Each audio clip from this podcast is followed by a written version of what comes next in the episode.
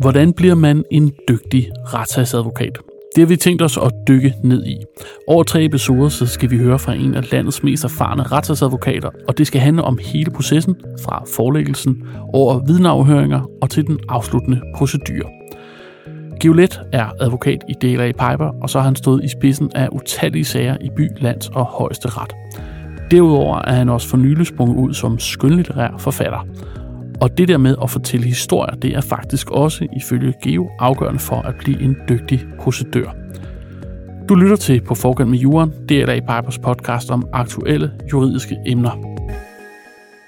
Dette er anden episode i en følgetong af tre om at blive en dygtig retsadvokat, og denne gang så skal det handle om selve kernen i retssagen og en af de sværeste discipliner i forbindelse med en retssag, nemlig vidneafhøringer. Giolet endnu en gang velkommen til. Tak. Det er jo ikke sikkert, at alle lytterne hørte med i den første del af følgetongen, så vil du ikke lige begynde med at fortælle lidt om øh, din baggrund?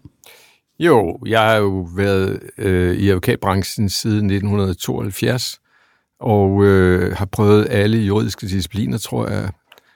Men med årene bliver jeg mere og mere specialiseret i retssager, som var det, som jeg følte, øh, jeg var bedst til.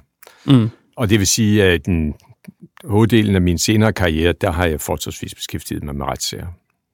Og hvad er det for nogle retssager, for eksempel, du har, du har beskæftiget dig med? Det er retssager om øh, produktansvar, var det i mange år. Det har så altså ikke fuldt så meget i de senere år, men så har det også været øh, retssager om øh, inden for pensionssektoren og finanssektoren.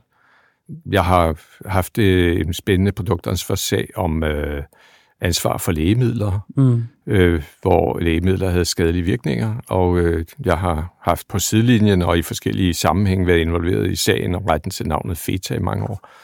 Så har jeg haft øh, Thorsens-sagen, hvor der var spørgsmål om, at øh, den norske rigmand Schillinge Ryg havde nogle penge i klemmen, som han skulle have ud af det kaos, som Kurt Thorsen efterlod. Og så har der været Roskilde Bank-sagen, hvor jeg repræsenterede revisorerne, som var øh, sagsøgt for 1 milliard kroner, og som derfor havde interesse i at opstille et forsvar mod det erstatningskrav. Så øh, man kan sige, at du er kommet med en øh, tung ballast i forhold til at tale om det, vi skal tale om i dag, og det er jo vidneafhøringer. Jeg ved, du siger, at det er faktisk noget af det allersværeste. Hvorfor er det det? Jeg tror i virkeligheden, øh, at det kan afspejles i, at øh, tænkte over, hvilke råd jeg skulle give i forbindelse med vidneafhøring, så havde jeg svært ved at give meget generelle regler. Og det hænger sammen med, at det er en meget individuel oplevelse. Så jeg vil sige, at der er jo en forskel på, hvad jeg vil sige, de helt banale grundlæggende regler, og så øh, er der rigtig mange undtagelser, som man så ikke rigtig kan passe ind i nogle regler om, hvordan man skal gøre i en vidneafhøring fordi sagernes forskellighed, vidnernes forskellighed og, og formålet med en given afhøring er så utrolig forskellige. Er det det, der gør det svært i virkeligheden? Ja, fordi det gør, at strategien er så svær. Men altså, hvis man skal begynde med det grundlæggende, så er det jo et spørgsmål om at strukturere, hvad det egentlig er, man vil have at vide. Altså, det er jo altid et spørgsmål, hvad er det, man vil have at vide af et vidne? Og det kræver fantasi. Og øh, i virkeligheden, så kan man jo sige, at i en enkelt beskrivelse, så gælder det om i sin fantasi at gennemgå alle stadier af sagen, som vidnet har været involveret i, og spørge sig selv, har det interesse? Mm. Er det noget, der skal frem? Og det forudsætter, at man skal begivenhedsforløbet ud i meget tynde skiver. Fordi hvis man kun går i den hurtige fremadskridende linje, så kommer man måske til at springe noget væsentligt over. Ja. Jeg kan give et godt eksempel med en øh, sag, som øh, drejede sig om, at man øh, skulle skyde et kabel tværs over en vej med noget, der hedder et jordforskydningskabel. Det betyder, at man graver ikke hele vejen op, men man skyder det ned under jorden fra den ene side til den anden. Desværre har man overset, at der lå et 10 kV kabel på tværs som man kom til at beskadige. Det kunne have medført nogle enorme skader, hvis øh, man virkelig havde ramt det helt centralt og ødelagt det, så var det, havde det fremkaldt en eksplosion af dimensioner. Så det var jo ret øh, alvorligt, det der. Og der blev så et spørgsmål om, hvorvidt der var dækning under ansvarsforsikring, og der var så en undtagelse fra grov uaksomhed eller øh, til sidesættelse af elementære sikkerhedsforskrifter, tror jeg, der stod i polisen. Mm. Og øh, der var det jo naturligt at spørge de der mennesker ude i marken, hvad var det, I gjorde, og hvad, hvorfor, og opdagede I ikke, det var et forkert kort, og hvad så I på, og så videre, så videre, så videre. Og det, som man så også skulle være opmærksom på, for det gav faktisk ikke rigtig noget guf. Det var bare en almindelig fejl, der foregik derude. Men så skulle man jo i virkeligheden spørge ind til, jamen, hvad var grunden til, at I fik et forkert kort med? Det vil sige, at man skulle hen til et helt andet sted i begivenhedsforløbet, og ligesom huske, jamen, når de har et forkert kort ude i marken, så er der jo nogen, der har givet dem et forkert kort hjemme på kontoret. Mm. Og hvad er det for nogle systemer, jeg har der? Og hvad er det, og hvordan sikrer I, at, at man får de rigtige kort med? Og så videre, så videre, så videre. Ja. Så det er simpelthen det der med, at være opmærksom på hele begivenhedsforløbet, ja. og sige, hvad kan vidnet bidrage med der? Ja, vel et spørgsmål om at finde fejlen for at kunne vurdere, om der er en, fandt en grov uaksomhed sted, for eksempel. Ja, for der var jo to fejl. For der var både det, at de ude i marken ikke lagde mærke til, det var et forkert kort, men, men i virkeligheden, så var der, hvor man, jeg tror, det faldt på det, det var den procedure, de havde på kontoret for at sikre, at de fik det rigtige kort med, og det var der, hvor man så lagde til grund, at der var til sidsættelse alimenteret sikkerhedsforskrifter. Sådan husker jeg. Så du siger altså, at man først og fremmest skal tænke på, hvilke vidner man indkalder, og så også, hvad man skal bruge dem til, ikke? Jo. Du siger også, at det er sjældent den konkrete hukommelse, der er i fokus. Altså, øh, vidneafhøringer er jo noget mærkeligt noget, øh, fordi du må jo spørge om utrolig mange ting, så, bange, så længe de har noget med faktum at gøre. Øh, hvad gjorde du? Øh, hvad tænkte du? Øh, hvad følte du? Øh, hvad troede du? Og det vil sige, det er jo mange, mange dimensioner i den menneskelige bevidsthed, at du kan øh, gå ind og kortlægge i sådan en afhøring. Og det vil sige, at hvad er det, du skal efterspørge? Mm. Det eneste, du ikke kan i Danmark, det er det, som man kan i England, det er, at du kan ikke gå ind og, og argumentere med vidnet og sige, det er ulogisk, fordi det er der rigtigt i det, der sådan og sådan, så vil dommeren bare sige, du har fået forklaringen. Du skal ikke spørge, om det er logisk. Det er os, der skal finde ud af, om det har nogen betydning. Mm. Men, men, øh, men, men alt vedrørende faktum kan du spørge om i de dimensioner, som jeg lige nævner der. Og det, og det gør jo, at der er et meget stort spillerum for, hvad det egentlig er, du ønsker at få at vide. Hvad er det for en rolle, de her vidner typisk kan spille? De kan øh, spille en rolle med dels at bidrage med faktum, dels at hjælpe med det, som, hvis det er en af de der teknisk komplicerede sager, så kan du få en mulighed for i virkeligheden at få øh, klientens synspunkter præsenteret på en anden måde. Hvis det er en indviklet pensionssag, så kan du få aktuarens forklaring på det, som du mere eller mindre usikkert har forsøgt at forklare i vidneforklaringen. Så han kan sætte tingene sammen på en anden måde, end du forsøgte under forelæggelsen. Og det vil sige, at du understøtter den øgede forståelse hos dommeren af, hvad den her sag går ud på. Mm. Og så er der selvfølgelig også det rent faktiske, hvad gjorde du der, og hvem gjorde hvad, var det dig, eller var det ikke dig, og så videre, så videre, for fastlagt detaljer i begivenhedsforløbet. Og det er jo ting, du ikke kan fastlægge i en forelæggelse, for du ved jo, altså principielt ved du ikke nu, hvad, hvad vidnerne vil sige. Det ved du måske, fordi du har haft en samtale med dem, men altså, tingene skal frem i den rigtige rækkefølge. Det er klart. Så der må jeg sige, at man sådan en forelæggelsen, og det vil vi komme ind på under vidneforklaringer så det er vigtigt at gøre sig bevidst om, hvad man vil bruge vidnerne til, og det er jo så også for at undgå, at man har overflødige vidner. Ja, det er rigtigt. Altså, det, bliver, det vil irritere retten. Altså, det er jo typisk sådan, at hvis du har et, et, et given begivenhedsforløb, som er helt identisk, så er det måske nok med et vidne, der forklarer det. I stedet for, at du satser nummer to, som siger det samme, som nummer tre, der siger det samme. Og her er så også en regel, der har sine undtagelser. Fordi nogle gange kan det være vigtigt, at du siger, at det var en opfattelse hos en bred kreds af personer. Under Roskilde Bank-sagen havde vi en situation, hvor der blev øh, gjort gældende, at revisionen var årsag til, at der var kluder i, i bankens papirer. Mm. Det var det ikke. Det var ikke det, der var årsagen. Men måden at modbevise det på, det var at føre hver eneste medlem af intern revision for at sige, observerede du nogle uorden i papirerne i din tid? Hvem var det, der havde styr på det der? Og der fik du så fem-seks forklaringer, som gjorde, at altså, det var tæt på, at retten havde kval med at høre de der forklaringer. Men omvendt, så tog vi ikke undlade det eneste, fordi der skulle simpelthen være sådan, at vi havde ført dem alle sammen. De sagde alle sammen til sammen. Så du fik det der faktum fuldstændig fat. Men vil det ikke altid være sådan? Nej, det vil det ikke, fordi der er tit sådan nogle hændelsesforløb, som du netop bare skal beskrives som en forklaring på, hvad det var, der skete, hvad tænkte mm. man i organisationen, mm. som den der supplerende forklaring til din forelæggelse. Det behøver du ikke have tre mennesker til at forklare. Hvordan laver man den øh, vurdering? Jamen, det er jo der, det bliver svært, fordi det er jo det, der er så super konkret. Ja. Og derfor er det jo hver gang, at man må sidde og bedømme, hvad har jeg brug for retten for at vide? Fordi det er jo den der supplerende viden, som man gerne vil have ind i retten, eller nogen søm, man vil have slået i med hensyn til noget faktum.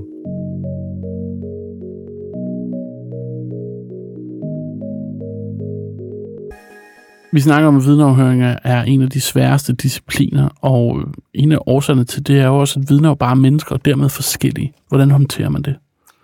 Ja, du har jo øh, typisk to typer vidner. Dem, som det ikke er muligt at slå et ord af, som kun kan sige ja og nej, mm. og aldrig kan formås til at, at sige mere end det. Det betyder, at så, advokater kan nogle gange køre sur det der, fordi de ved ikke, hvad de skal spørge om. Nej.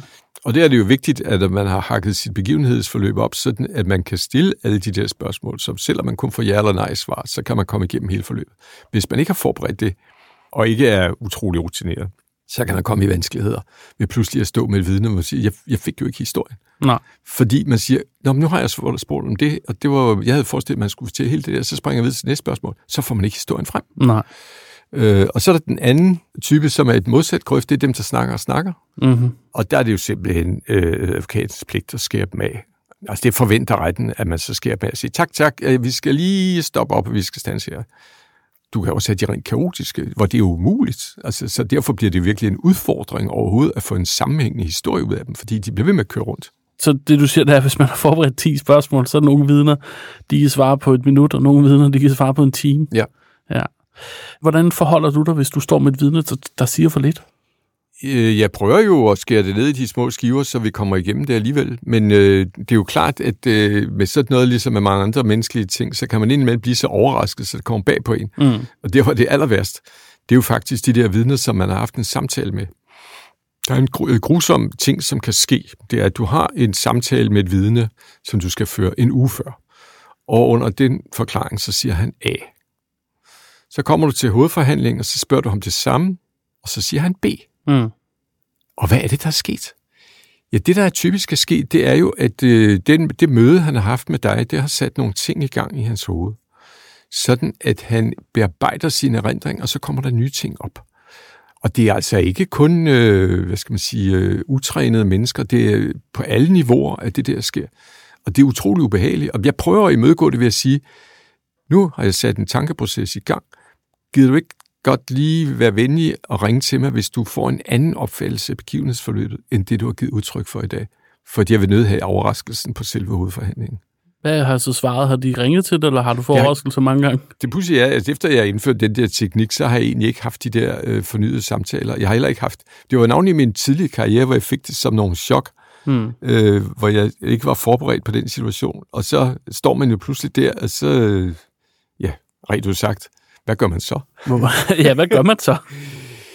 Der sker jo ting under vidneafhøringer, hvor man får svar, man ikke kan lide. Ja. Og den mest klassiske, som man altid fremhæver, det er der, altså som jo sådan en vidighed nærmest at sige, man må ikke spørge om noget, hvor man ikke kender svaret. Mm. Det er der, hvor man tager en chance og siger, ah, hvis jeg nu stiller et må- spørgsmål mere, så får jeg måske det, jeg lige vil have. Og vupti, så får man noget helt andet. Og så sidder man der med et selvmål. Jamen altså, det er ligesom med andre øh, ting, der sker, så må man bare videre. Øh, man prøver jo som regel at, at, at lade som ingenting, for det egner sig nok ikke til en spilfilm, hvis man gjorde det, fordi alle holder jo masken. Men man sidder og banner indvendigt. Det skal det er klart. skal, man, skal man være en, øh, en god menneskekender for at blive en god øh, vidneafhør? at det er ikke nogen skade til. Altså, det er jo mennesker. Jeg føler ikke selv, det er noget der, hvor jeg har min spidskompetence. Men jeg havde en kollega, John Petersen, ham der førte den tidligere rigsretssag, som var en, en mester i afhøringer, fordi han udstrålede empati, og som også var ægte, sådan set, som gjorde, at dem, der blev udspurgt, gerne ville fortælle ham, hvordan det hang sammen. Og han næsten kunne etablere sådan et fortroligt rum midt i retssagen, Mm. med sin utrolige sympatiske udstråling. Og det, han er et sympatisk menneske, så det var ikke falsk, det var ikke et trick, det var ægte. Men det gjorde også, at øh, det virkede, fordi han forstod de der mennesker. Og så sagde de tit ting, som de måske med en, med en mere firkantet øh, udspørg ikke ville have sagt. Der er vel også eksempler på det modsatte. Jeg tænker dygtige advokater, som faktisk bare ikke formår at få den connection med vidnerne, der gør, at, at de får dem til at tale. Ja, eller få billederne til at gå i baglås ved at Mm. udstråle, udstråle mistillid og aggressivitet og, og, og få dem til at blive fjendtlige. Og det er faktisk, tror jeg også, den uerfarenes øh, advokats problem, at man er så anspændt, så alle øh, spørgsmål kommer ud uden nogen form for empati, men mm. som er en maskine, ikke? hvor det næsten er svært at forstå det, fordi ansigtsbevægelserne ikke følger med det, man siger og sådan noget der. Så øh, måske også indimellem gør det svært for vidnet at forstå, hvad det egentlig var, de blev spurgt om. Men, men kan det ikke også være en taktik? Altså ikke at lave indviklede spørgsmål, som vidnet ikke forstår, men at man tilgår forskellige vidner med forskellige måder, altså ligesom vi kender sådan noget good cop, bad cop noget, at, at du, jo. du, kan, du kan tillægge en eller anden form for værdi i den måde, du stiller spørgsmålet på, som kan have forskellige virkning, Jo, alt jo. efter sådan vidner. Jeg kendte en anden advokat, og det var en bevidst, øh, han var snu, ikke? Og hvis han gerne ville have et ja, så lagde han i hele sin øh, mimik ud til, at øh, han gerne ville have et nej. Mm. Og da han nu var vidnets modpart, så lokkede han så vidnet til at sige ja, hvilket han i virkeligheden helst ville have. Det er ligesom det gamle sælgertrik med, at med, med telefonsælger, så man ikke siger ikke. Hvis man siger, skal, skal- du købe den her? Nå, så er det ja. nemmere at sige ja, men hvis du siger, skal du købe den her? Nej, så, så er det nemmere at sige nej. Ikke? Så man skal Jamen, noget gøre den stil. Ja. Noget den stil. Du siger også, at øh, hvis vi snakker om de udfordringer, man, man kan opleve, så kan det være, at man får stillet for åbne spørgsmål. Øh, altså, dommer kan ikke lide ledende spørgsmål. Nej.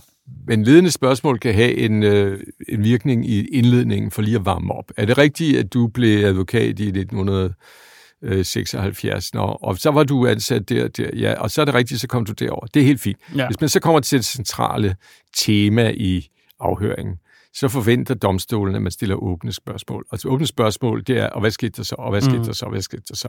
Der er selvfølgelig forskellige nuancer. Og der er jo advokater, der, er, der simpelthen er så forhippet på at øh, få det rigtige svar. Så de jo altså stiller de der spørgsmål. Er det rigtigt, at du tænkte sådan og sådan, da du så det der første gang? Ikke? Og der er, altså, hvis det sker én gang, og det er typisk igen øh, enten frække eller uerfarne advokater, der laver det der nummer. Ikke? Øh, Hvis det bliver ved, så bliver der grebet ind. Ikke? Ja. Og så påvirker det jo også troværdigheden af det vidneudsagn, der du får, hvis alt er pakket ind på den måde der. Men, men de kan også være for åbne, ikke? Jo, så ved de jo ikke, hvad det er, du spørger om. Nej, det er det, jeg mener, altså for upræcise. Ja, ja. Altså, et et spørgsmål upræcist, så kan det gå i alle retninger. Hvad er det, du vil have at vide? Ikke? Det skal du ligesom være, øh, spore dig ind på. Ikke?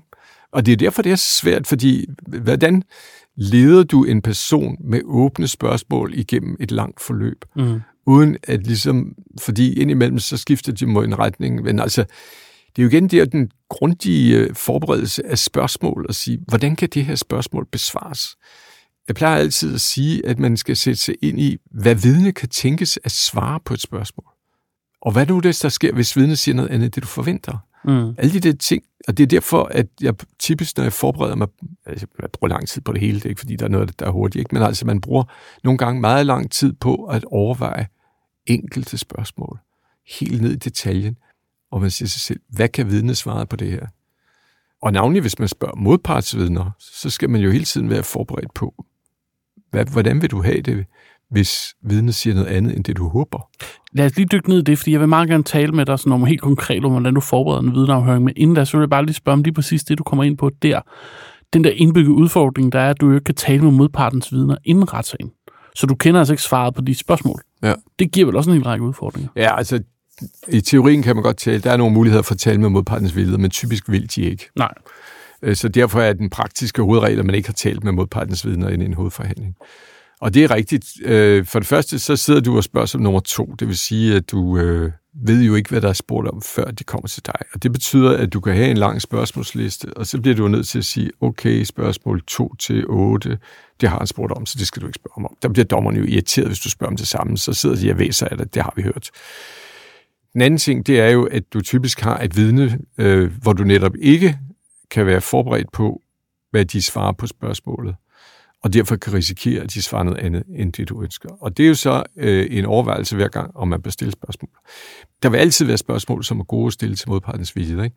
Hvis man nu for eksempel har et, øh, et meget kontroversielt dokument, som modparten gerne vil gå lidt henover, ikke? så er det jo oplagt at sige, du, vi har det her dokument i sagen. Hvad mener du om det? Jeg ved, hvad mener du om det? Er det, er det dig, der har skrevet det? Øh, ja eller nej, ikke? Mm. Øh, kendte du det? Nå. Synes du, det var i orden, det der stod i dokumentet?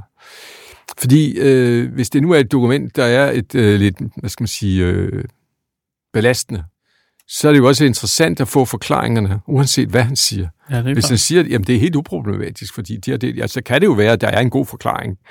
Og så kan du, uanset hvad han siger, så vil det stemple ham. Ikke? Hvis han siger, at det er helt i orden, det var så i praksis. Nå, okay, det er Ja, sådan, de tænker hos ja. jer. Ikke? Man skal jo også være opmærksom på, at når modparten afhører vidnet, at der kan falde nogle ting ned, eller nogle ting, man skal spørge, ja. Spørge ind til. Altså, man Ja. skal vel være meget vaks ved notesbogen til at skrive ja. Nye spørgsmål ned, ikke? Ja, det gør man. Altså, du kan jo lave forskellige systemer, ikke? Du kan jo, alt efter hvordan du organiserer det, så kan du skrive dem ind imellem dine egne spørgsmål, hvis du har lavet god plads mellem dine egne spørgsmål. Eller du kan tage dem til sidst, ikke? Jo. Og der bruger man jo tit det der. Jeg vil godt lige vende tilbage til nogle af de ting, du sagde under din, din tidligere forklaring. Jeg skal lige have nogle ting på plads. Ikke? Altså, der er mange sådan overgange, som man kan bruge, så man kan få det ind der, hvor det passer.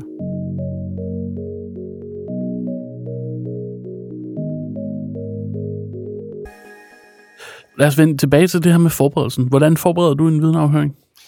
Jeg forbereder det, altså jeg, typisk så laver jeg det efter, jeg har lavet forelæggelsen. Ikke? Mm. Og det vil sige, når jeg har lavet forelæggelsen, så kender jeg sagen, så ved jeg, hvad jeg vil frem.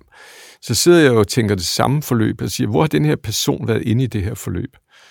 Og så gælder det om, som jeg siger, at skære det ud i tynde skiver, tankemæssigt, for at se, hvad er det for ting, jeg vil frem. Og så skriver jeg spørgsmålene ned.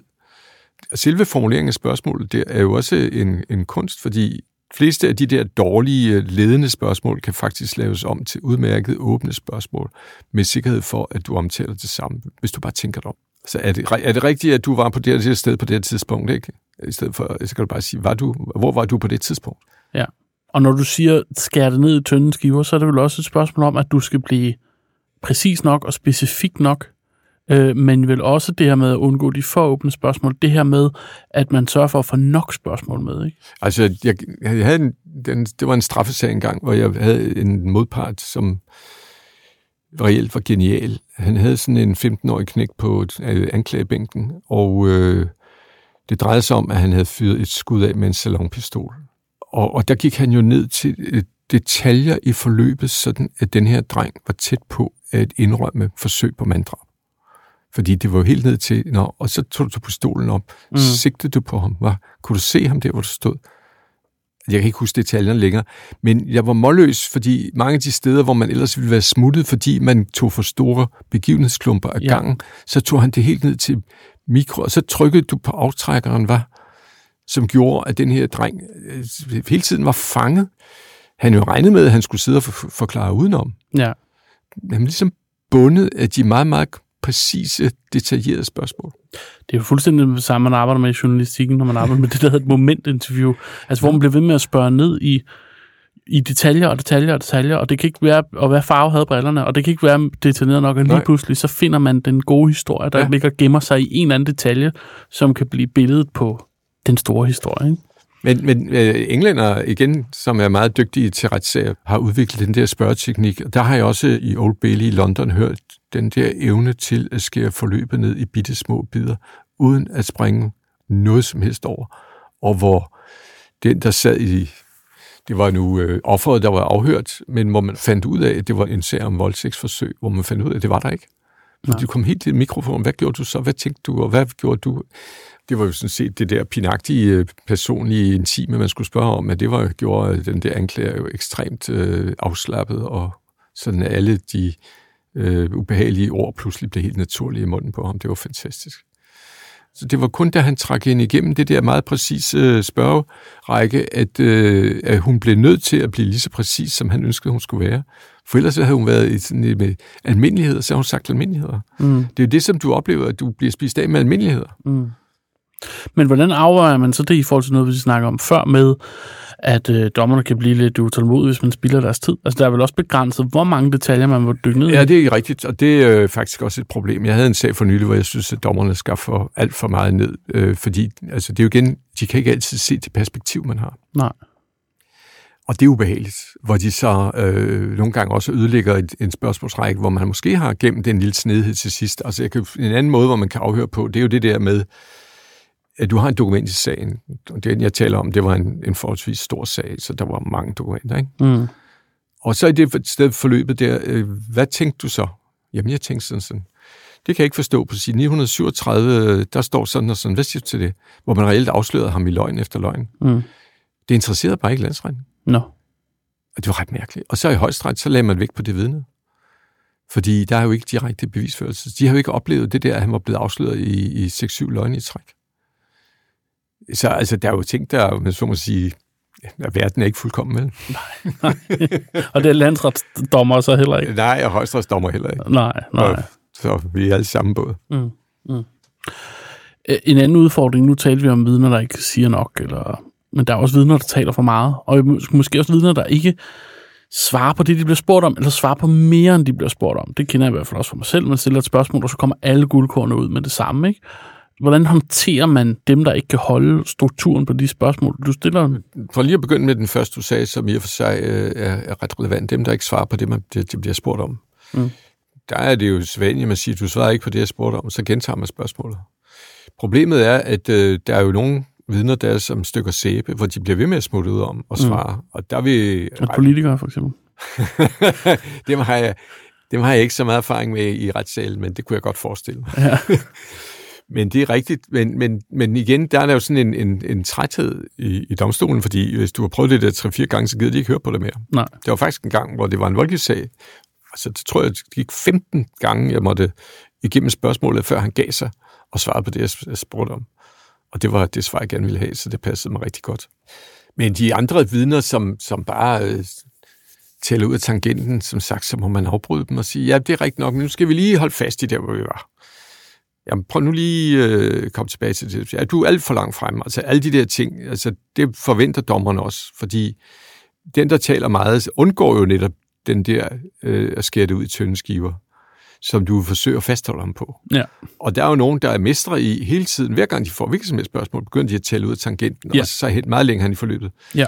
Og det kræver jo stærk styring. Men et eller andet sted så vil jeg sige, at der er jo også begrænsningens kunst. Altså, der, der er vidner, som simpelthen, du må bare øh, erkende, at de er svære at håndtere. Vi har jo talt om, at det her det er en svær disciplin i begang, og der er jo også advokater, der måske ikke har det her flair. Er det her for alle?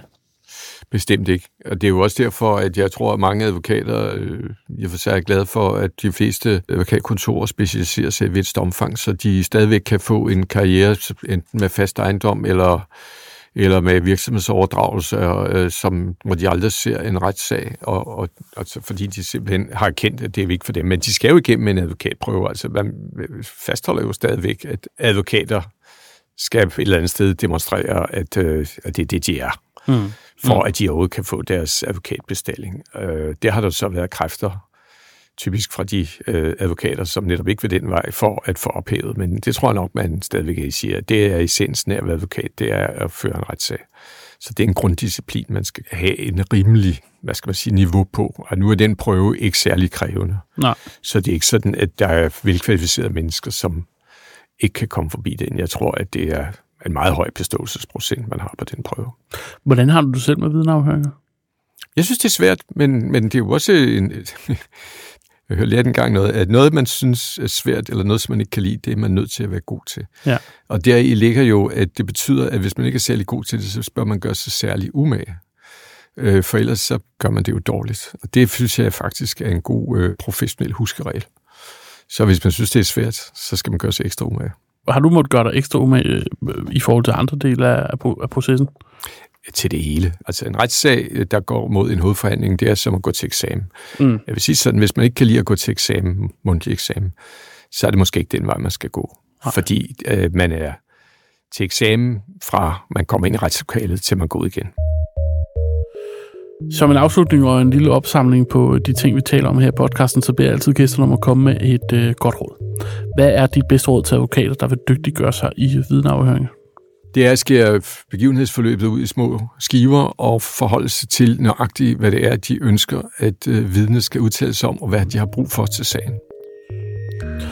Det var altså anden episode ud af tre med inspiration til at blive en dygtig retssagsadvokat med advokat Geolet. I sidste episode, så skal vi til den afsluttende eksamen, nemlig øh, den afsluttende procedure. Du kan finde og følge podcasten i din foretrukne podcast-app.